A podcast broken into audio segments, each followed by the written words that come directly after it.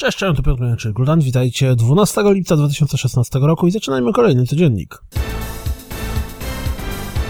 Nowy dodatek do World of Warcraft zbliża się wielkimi krokami, dlatego też pojawił się pierwszy, króciutki zwiastun sugerujący, co się będzie działo.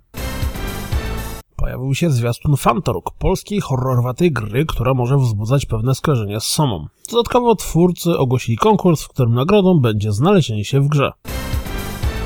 Zwiastunem zapowiedziano Brawlout. Gra wygląda na mocno inspirowanym Super Smash Bros. i w 2017 roku ma pojawić się na PC, PlayStation 4 i Xbox One.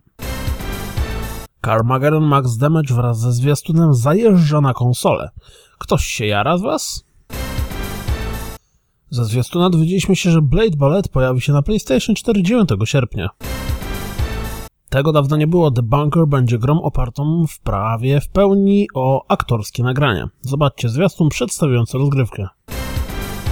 Są takie ploty, które przychodzą, znikają i później znowu wracają. Tak jak Battletoads, czy też remake Battletoads zmierzający na Xbox One. Jakoś ciężko mi w to uwierzyć. Ploty wskazują również na to, że ostatni dodatek do Fallouta 4 Nuka World zadebiutuje 30 sierpnia. Wygląda na to, że dzienna liczba użytkowników Pokémon Go ma szansę przebić dzienną liczbę użytkowników Twittera, przynajmniej na Androidzie. Szaleństwo. Z drugiej strony akcje Nintendo osiągnęły tak wysoki stan jak ostatnio w 1983 roku. Zbiórka na remaster System Shocka przekroczyła minimalny próg 900 tysięcy dolarów, do końca zbiórki zostało jeszcze 15 dni.